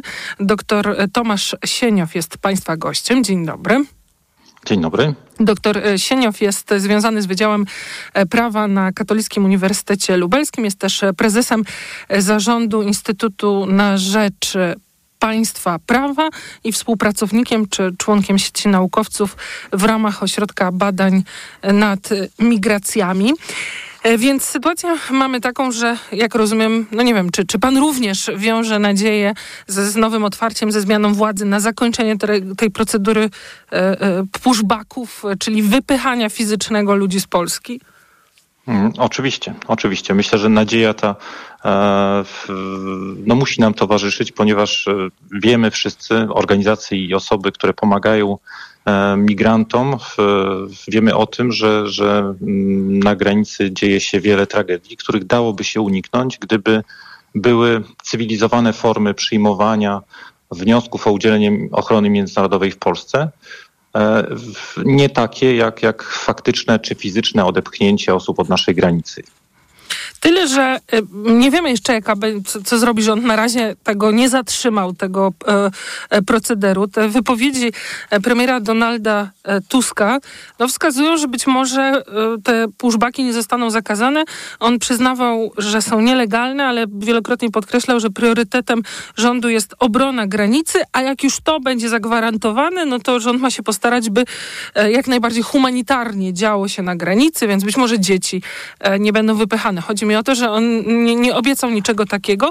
Odpowiedzialny w rządzie e, e, za właśnie kwestię migracji, wiceminister Maciej Duszczyk, zresztą no, kiedyś badacz związany z uniwersytetem, czy nadal badacz związany z Uniwersytetem Warszawskim, zapowiedział w odpowiedzi też na wasz apel, czy w związku, czy, czy w każdym razie w podobnym czasie, że rząd pracuje nad rozwiązaniami normalizującymi sytuację na granicy. We wcześniejszych rozmowach, między innymi w Radiu Tok FM, mówił, że tak z dnia na dzień do tych pushbacków się po prostu nie da nie, nie, nie, nie, nie byłoby to odpowiedzialne ich zatrzymać. Więc czy da się Pana mhm. zdaniem połączyć bezpieczeństwo granicy z przestrzeganiem tutaj zasad humanitarnych i prawnych? Myślę, że da się to e, połączyć lepiej niż próbowano to łączyć do tej pory, bo mm, faktem jest to, że przez tę granicę e, udawało się przechodzić, przedostawać wielu osobom, które składały wnioski o ochronę, jednak równocześnie wiemy, że wielu osób e, Wielu osobom to się nie udało i zginęły na granicy. I wiemy też o, po przypadkach licznych osób, które były zawracane mimo tego, że deklarowały, że chciały się ubiegać o ochronę międzynarodową ze względu na prześladowania.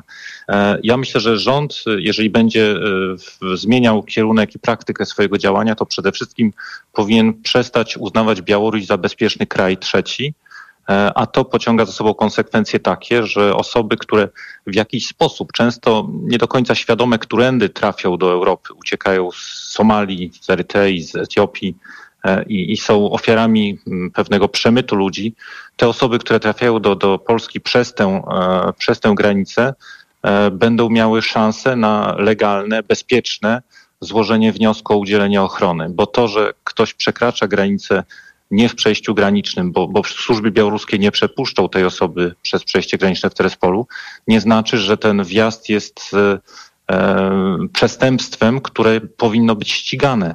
E, w naszym przypadku, w przypadku Polski przez e, ostatnie mm, prawie trzy lata e, te, te wjazdy były ścigane, te przekroczenia granicy były ścigane, mimo tego, że konwencja genewska mm, stanowi, że uchodźcy nie będą, czy ich działania nie będą penalizowane przez państwa członkowskie. Więc jest kilka ruchów w tym kierunku, które powinny być zrobione i każdy z nich będzie krokiem w dobrym kierunku. Ja ufam, że ostateczność, ostatecznym jakby rezultatem będzie e, odstąpienie od, od praktyki wypychania osób bez przeprowadzenia niezbędnych procedur.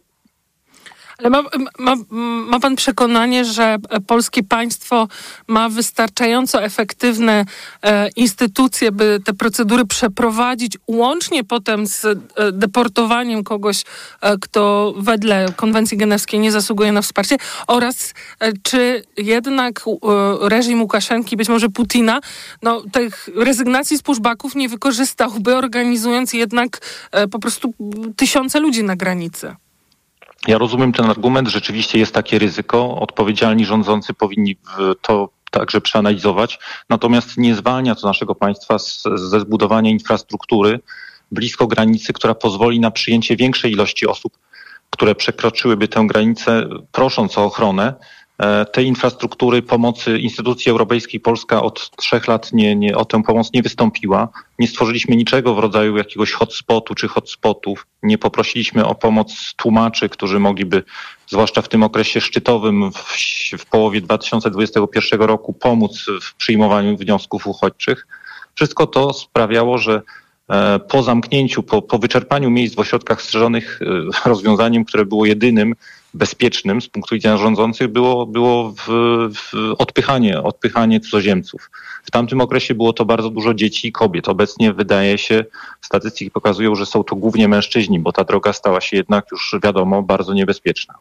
I myślę, że Polska zmieniając praktykę administracyjną, wycofując się z pewnych rozwiązań prawnych, które były wprowadzone w okresie covidowym, rezygnując z wydawania mm, tak zwanych postanowień o nakazie opuszczenia kraju i doprowadzenia do linii granicy może doprowadzić do tego, że będziemy zastosować prawo, prawo międzynarodowe i prawo europejskie, które, które chroni te osoby, bo trzeba spojrzeć na to z punktu widzenia indywidualnego, indywidualnych e, praw człowieka każdej z tych osób.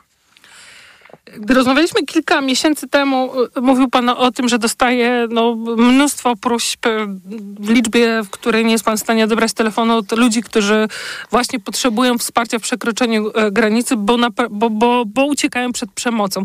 Kto, kto teraz dzwoni w uproszczeniu? To znaczy, kto przede wszystkim hmm. utyka na granicy? E, tutaj jakby są dwie grupy osób. Ja mówiłem o, o osobach, które uciekają w, z w kraju objętego wojną, to znaczy z Rosji, które nie chcą uczestniczyć w tej, w tej wojnie, a są mobilizowane i, i prześladowane przez e, reżim Putina czy Kadyrowa, bo głównie dotyczy, dotyczy to Czeczenów. E, więc to jest jedna z grup, którą która może przekraczać granice w, w punktach kontroli granicznej bo służby białoruskie pozwalają na przekroczenie granic przez, przez obywateli byłego Związku Radzieckiego. Jednak e, osoby z, z Afryki, z Azji e, takiej możliwości w praktyce mm, nie mają. Nie zauważyłem, żeby mhm. służby białoruskie pozwalały na legalne przekroczenie granicy, więc ja mogę mówić o osobach, które próbują legalnie wjechać na terytorium Polski, posługując się paszportami i, i prosząc o, o przyjęcie ich wniosków o udzielenie ochrony międzynarodowej. Tych osób jest oczywiście bardzo dużo ta grupa, która, która próbuje przedostać się przez las i przez bagna, to jest e, zupełnie różna grupa. Często są to osoby, które były na terytorium Rosji, e, mieszkały, mieszkały na terytorium Rosji i w którymś momencie, nie mogąc wracać do kraju, a być może ich sytuacja w Rosji się zmieniła, próbują dostać się do, do Europy, a czasem jednak są to ofiary przemytników ludzi, którzy, którzy są, e, te osoby są rekrutowane, oszukiwane w krajach pochodzenia i, i zabierane są im często paszporty. E, I są to ofiary handlu ludźmi, które, które są doprowadzane do granicy Polski i, i przepychane z, jedną strony na, z jedną strony na drugą. Ta pierwsza grupa, czyli to ludzie z paszportami rosyjskimi, czy to będą Czeczeni, czy w tej chwili nawet no, Tatarzy krymscy, mhm. E, oni dalej próbują uciec i, i dalej mają problem z ucieczką z Rosji? Jeżeli chodzi o, o tę pierwszą grupę, to nie są tylko obywatele Rosji, mhm. bo, bo Rosja w tej chwili rekrutuje w, w osoby, które mieszkają na swoim na terytorium Rosji, ta, zwłaszcza Tadżyków, którzy, którzy nie mogą wrócić do swojego kraju, gdzie są prześladowani w, przez władze reżimowe. E, także to nie są tylko obywatele Rosji, to są obywatele mhm. byłych państw Związku Radzieckiego, którzy na Białorusi są traktowani szczególnie w ruchu bezwizowym, więc e, to jest, to jest e, znaczna grupa osób. I rozumiem, że to cały czas się dzieje, tak? To nie jest tylko ten początek, kiedy oni się wystraszyli, tylko to cały czas e, są tacy ludzie. Ta sytuacja się nie zmieniła, cały czas jest, e, jest aktualna, tak. Mhm. I teraz na koniec jeszcze no, czekamy na strategię migracyjną. Co Pana zdaniem powinno być priorytetem? Hmm. Można mówić o, oczywiście o samym przyjęciu, które by określało nasze potrzeby migracyjne, także demograficzne, ekonomiczne, gwarantowałyby ochronę praw podstawowych osób, które są w, w, obywatelami państw trzecich czy cudzoziemcami na terenie Polski. Ale ja bym dzisiaj zwrócił uwagę na jedną bardzo ważną rzecz. Osoby, które starają się w Polsce o udzielenie ochrony od 2003 roku dostają pomoc socjalną na dokładnie tym samym poziomie. 750 zł na pierwszą osobę w rodzinie. W tym czasie minimalne wynagrodzenie za pracę wzrosło z 800 zł do 3200.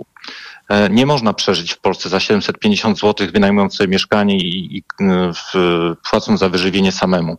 Dlatego, jeżeli bym miał powiedzieć jedna rzecz, którą trzeba zmienić, to nie wymaga przyjęcia strategii, ale podniesienie wysokości świadczenia dla, dla rodzin, które decydują się, że, mieszka, że będą mieszkać poza ośrodkami dla uchodźców. Jeżeli tego nie zrobimy, Polska pozostanie na zawsze krajem tranzytowym, bo, bo nie da się w Polsce przeżyć za, za 750 złotych na osobę, mm, na pierwszą osobę w rodzinie, bo, bo osoba czteroosobowa dostanie, nie wiem, 2000 złotych i to jest niemożliwe, żeby wynająć mieszkanie i przeżyć za te pieniądze. Więc e, ja skupiłbym się na takim krótkim zwycięstwie, mhm. quick win. Jeżeli państwo chciałoby traktować osoby przyjeżdżające tutaj w sposób humanitarny, niech pochyli się nad ich sytuacją, e, ponieważ no, nie chcemy, żeby tutaj zostały te osoby. To, to widać przez to, że, że ta wysokość tak. wsparcia nie została zaktualizowana. Bardzo dziękuję za rozmowę. Dr Tomasz Sieniow z Katolickiego Uniwersytetu Lubelskiego, też e, Instytutu na Rzecz Prawa, e, Państwa Prawa i Ośrodka Badań nad Migracjami był Państwa gościem. Bardzo dziękuję. Bardzo dziękuję również. Do usłyszenia. To był ostatni gość dzisiejszego Światopodglądu, który przygotowali Bartłomiej Pograniczny i Maria Andrzejewska. Wydawał Adam Szuraj. Za chwilę informacji, po nich jeszcze więcej sportu. A skoro środa, to przypomnę Państwu po godzinie 22. Zapraszam znów ja na program Wieczorem. Dziś w programie Wieczorem będziemy rozmawiać o nowej książce Naomi Klein, kiedyś bardzo ważnej postaci, zwłaszcza w ruchu alterglobalistycznym, autorki dwóch no, bardzo ważnych prac No Logo i Doktryny Szoku napisała nową książkę, gdzie zagłębia się w meandry internetu, teorii e, spiskowych, e, ale również opowieści o państwie e, żydowskim, o Izraelu, więc w bardzo wiele aspektów naszej współczesności bada, co z tego wynika po 22. Światopodgląd. Reklama. Szukasz oszczędnych i niezawodnych samochodów dostawczych dla firmy? Postaw na Forda w limitowanej wyprzedaży rocznika. Teraz dostawcze modele Forda dostępne od ręki z mistrzowskimi rabatami aż do 44 tysięcy złotych netto. Ford. Najlepszy wybór dla Twojego biznesu. Szczegóły u dealerów Forda i na Ford.pl. Ekonomia 360. Słuchaj od poniedziałku do piątku o 18.20. Na audycję zaprasza jej sponsor, operator sieci Play, oferujący rozwiązania dla biznesu. Play. Autoglas naprawia, autoglas wymienia. Mały odprysk na przedniej szybie może zamienić się w pęknięcie. To pewne, że prędzej czy później szyba będzie nadawać się już tylko do wymiany. W Autoglas w 30 minut naprawiamy Twoją przednią szybę. Nie zostawiaj tego na później. Zadzwoń 801 181 181 lub umów się online na www.autoglas.pl. Kochanie, kupiłaś patyczki do uszu? Nie, polecono mi coś innego. Spray do czyszczenia uszu Akustone. Zawiera aż trzy naturalne oleje, dzięki czemu Akustone szybko rozpuszcza i pomaga usunąć zalegającą woskowinę. Słusznie, od razu słyszę poprawy. Akustone to najlepszy sposób na czyszczenie uszu. Akustone. Słuszny wybór. To jest wyrób medyczny. Używaj go zgodnie z instrukcją używania lub etykietą. Akustone rozpuszcza zalegającą woskowinę, przeciwdziała powstawaniu korków woskowinowych lub zaleganiu wody w przewodzie słuchowym. Aflofarm. Marian, patrz, w Media Expert ruszyła wielka wyprzedaż. O, no to fajnie, fajnie, Barbara. A jak wielka? No sam zobacz. Ruszyła wielka wyprzedaż w Media Expert. Na przykład grafitowa lodówka Beko. Najniższa cena z ostatnich 30 dni przed obniżką 1799 zł 99 groszy. Teraz za jedyne 1599 z kodem rabatowym taniej o 200 zł. Kaszel suchy, a może jednak mokry? Nie zawsze łatwo je rozróżnić, dlatego sięgnij po syrop Herbapekt. To właściwe rozwiązanie zarówno na kaszel suchy, jak i utrudnione odkrztuszanie. Nie wiesz, jaki masz kaszel? Ale wiesz, jaki lek wybrać. Herbapekt, numer jeden na Twój kaszel. Herbapekt, produkt złożony, suchy kaszel, utrudnione odkrztuszanie. Aflofarm. To jest lek. Dla bezpieczeństwa stosuj go zgodnie z ulotką dołączoną do opakowania. Nie przekraczaj maksymalnej dawki leku. W przypadku wątpliwości skonsultuj się z lekarzem lub farmaceutą. Nowe książki, magazyn do czytania już w sprzedaży, a w nim 10 książek roku 2023. Wywiad z Joanną Kuciel-Frydryszak oraz epicki seks w prezencie na zimę. Książki, magazyn do czytania już w sprzedaży. Co teraz dawać dzieciom na odporność? Rutina C A Junior Plus. Syrop dla dzieci wzbogacony o czarny bez i cynk. To naprawdę bogaty skład. Witamina C i cynk wspomagają układ odpornościowy, a czarny bez wspiera układ oddechowy. Suplement diety Rutina C Junior Plus. Odporność na potęgę. Aflofarm. O, Essentiale Max. Jakieś noworoczne postanowienie? Tak, postanowiłem regenerować swoją wątrobę z Essentiale Max. To najwyższa dawka fosfolipidów, aż 600 mg w jednej kapsułce. I to lek, nie suplement. Brawo! To będzie na maksa spełnione postanowienie. Lek Essentiale Max. Najwyższa dawka fosfolipidów w jednej kapsułce. Działa dla szybszej regeneracji wątroby. Essentiale Max. Kapsułki twarde 600 mg fosfolipidów z nasion sojowych. Wskazania. Roślinny lek stosowany w chorobach wątroby. Zmniejsza dolegliwości jak brak apetytu, uczucie ucisku